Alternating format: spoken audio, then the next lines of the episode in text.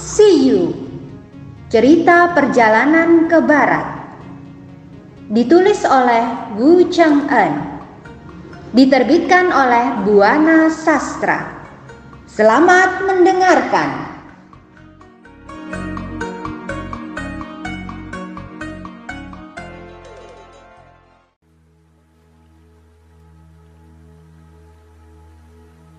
Bab 87 San Wukong menghancurkan sarang siluman, Tang Sanzang dapat diselamatkan.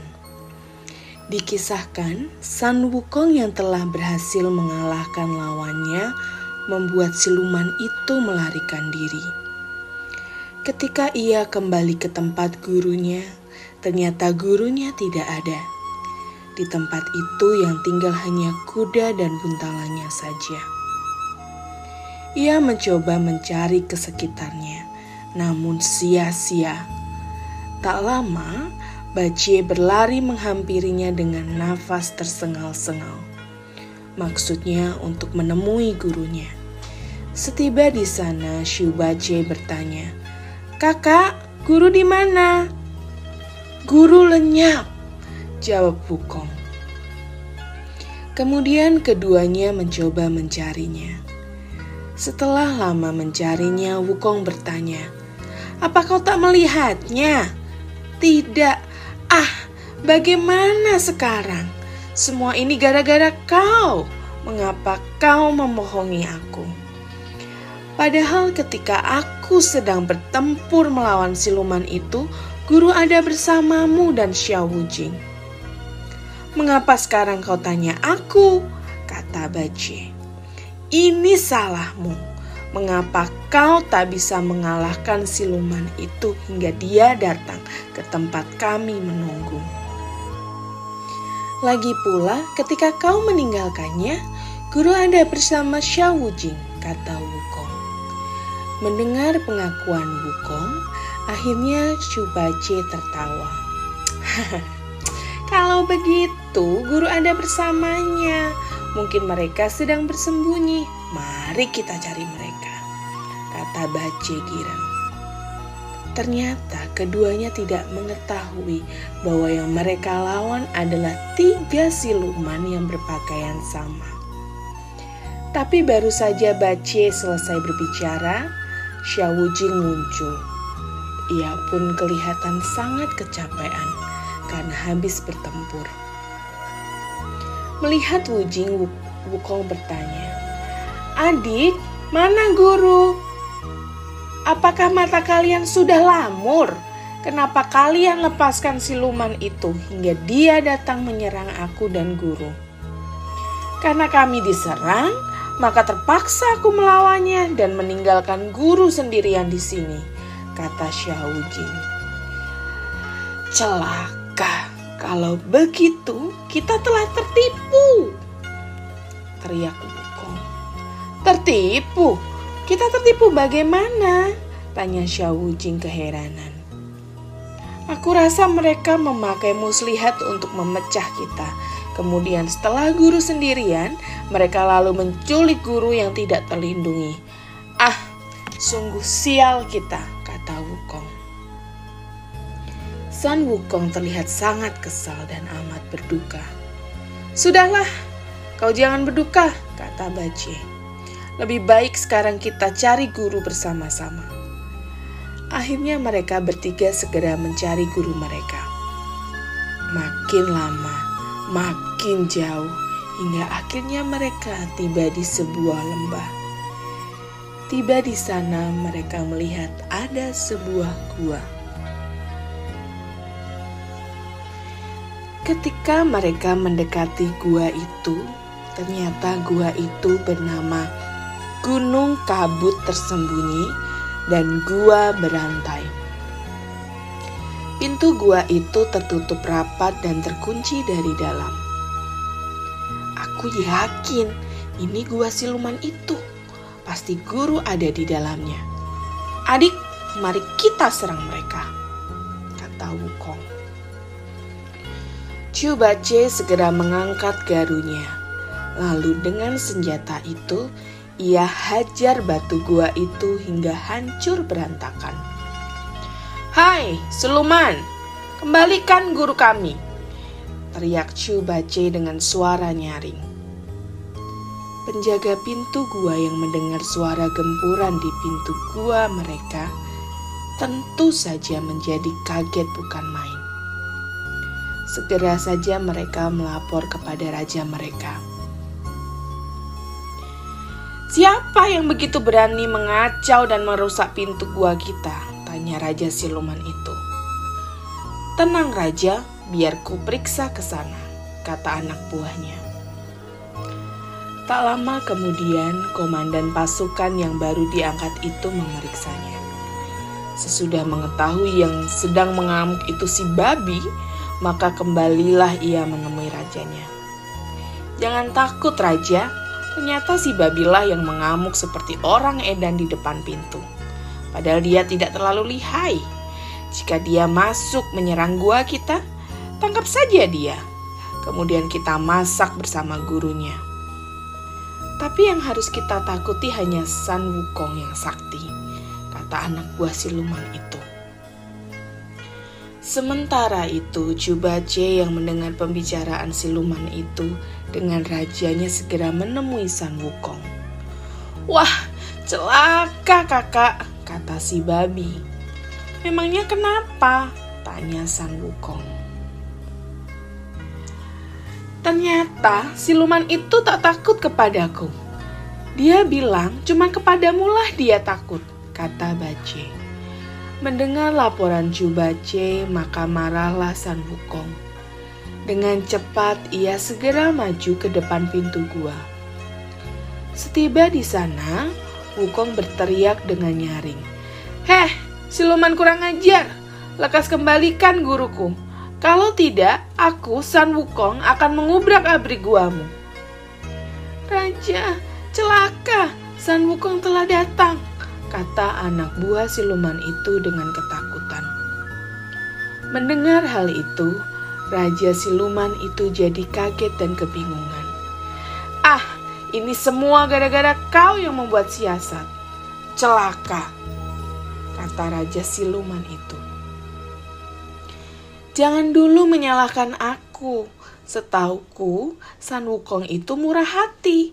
Bagaimana kalau kita membuat kepala Zanzang palsu?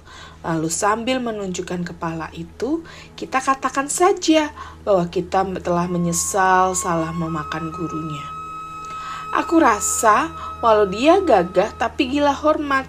Karena itu, kalau kita memuji-muji dia, pasti hatinya akan lunak. Nanti jika dia berhasil kita tipu, sudah tentu biksu Tang akan tetap menjadi santapan raja, kata si komandan baru ini. Tapi dari mana kita bisa mendapatkan kepala palsu itu? Tanya rajanya. Kalau begitu, biar aku yang membuatnya, kata siluman itu. Kemudian siluman itu mengambil golok lalu menabas batang wilo yang diukir sebagai kepala manusia.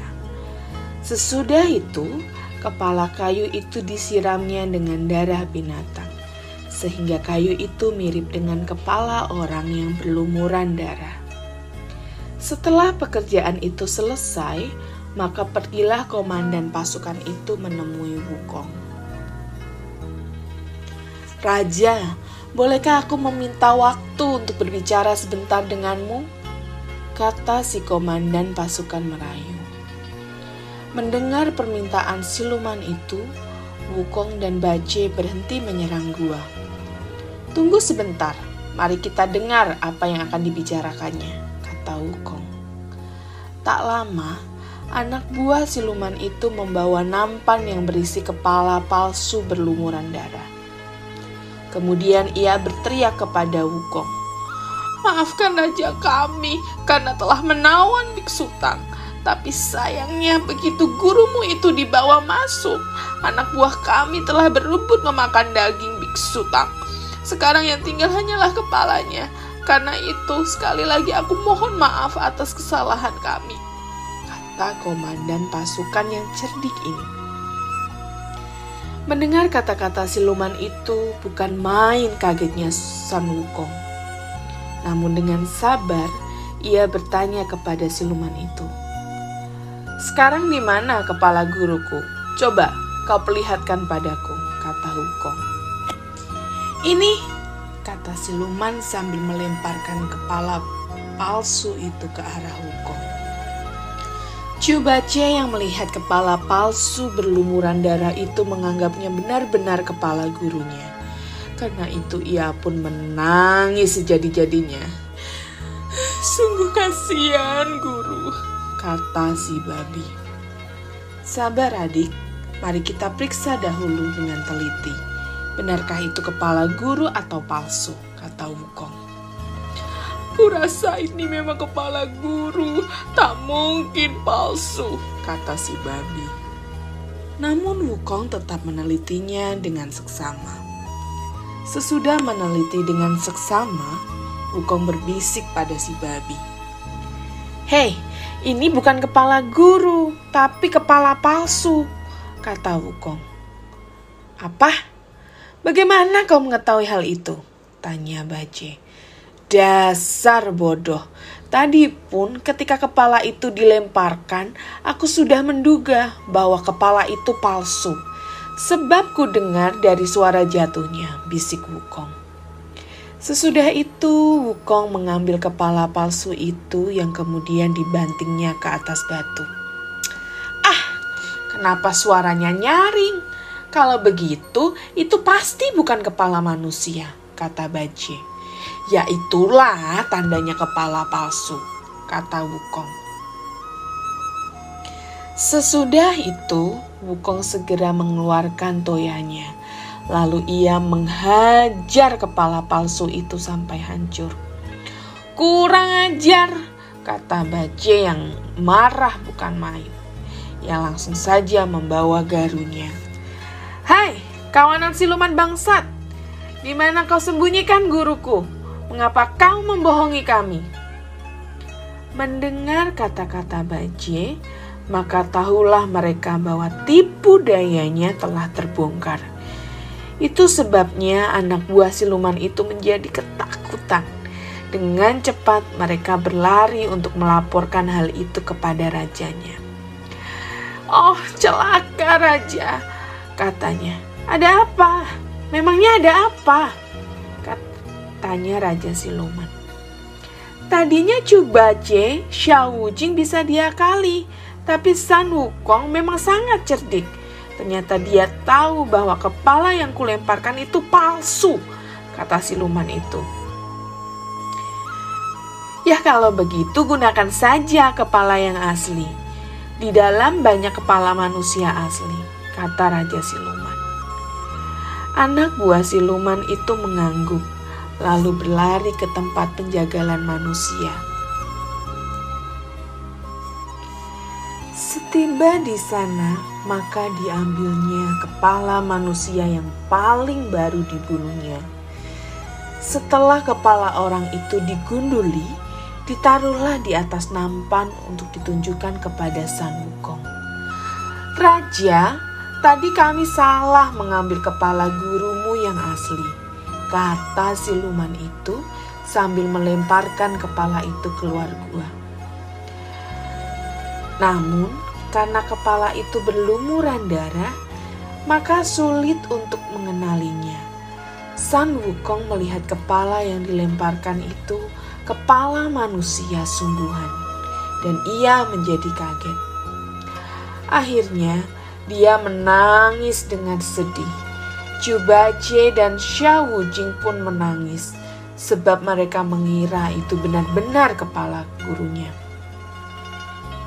Kakak, sudahlah, jangan menangis terus.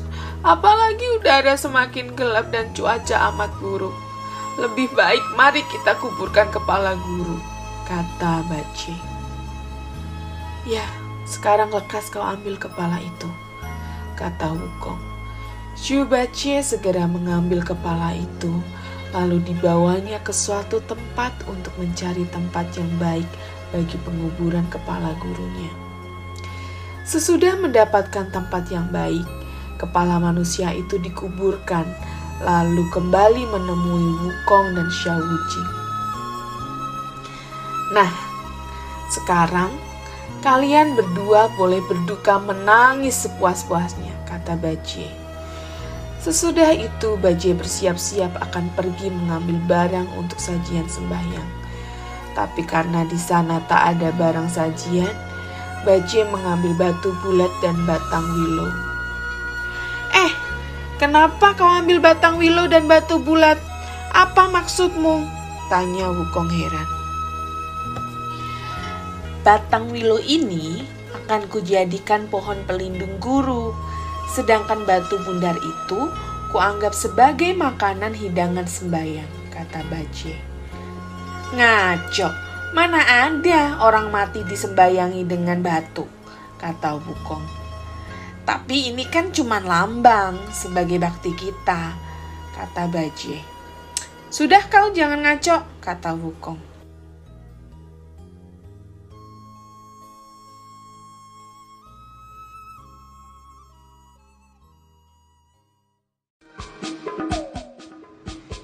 Dengarkan kisah selanjutnya. Terima kasih.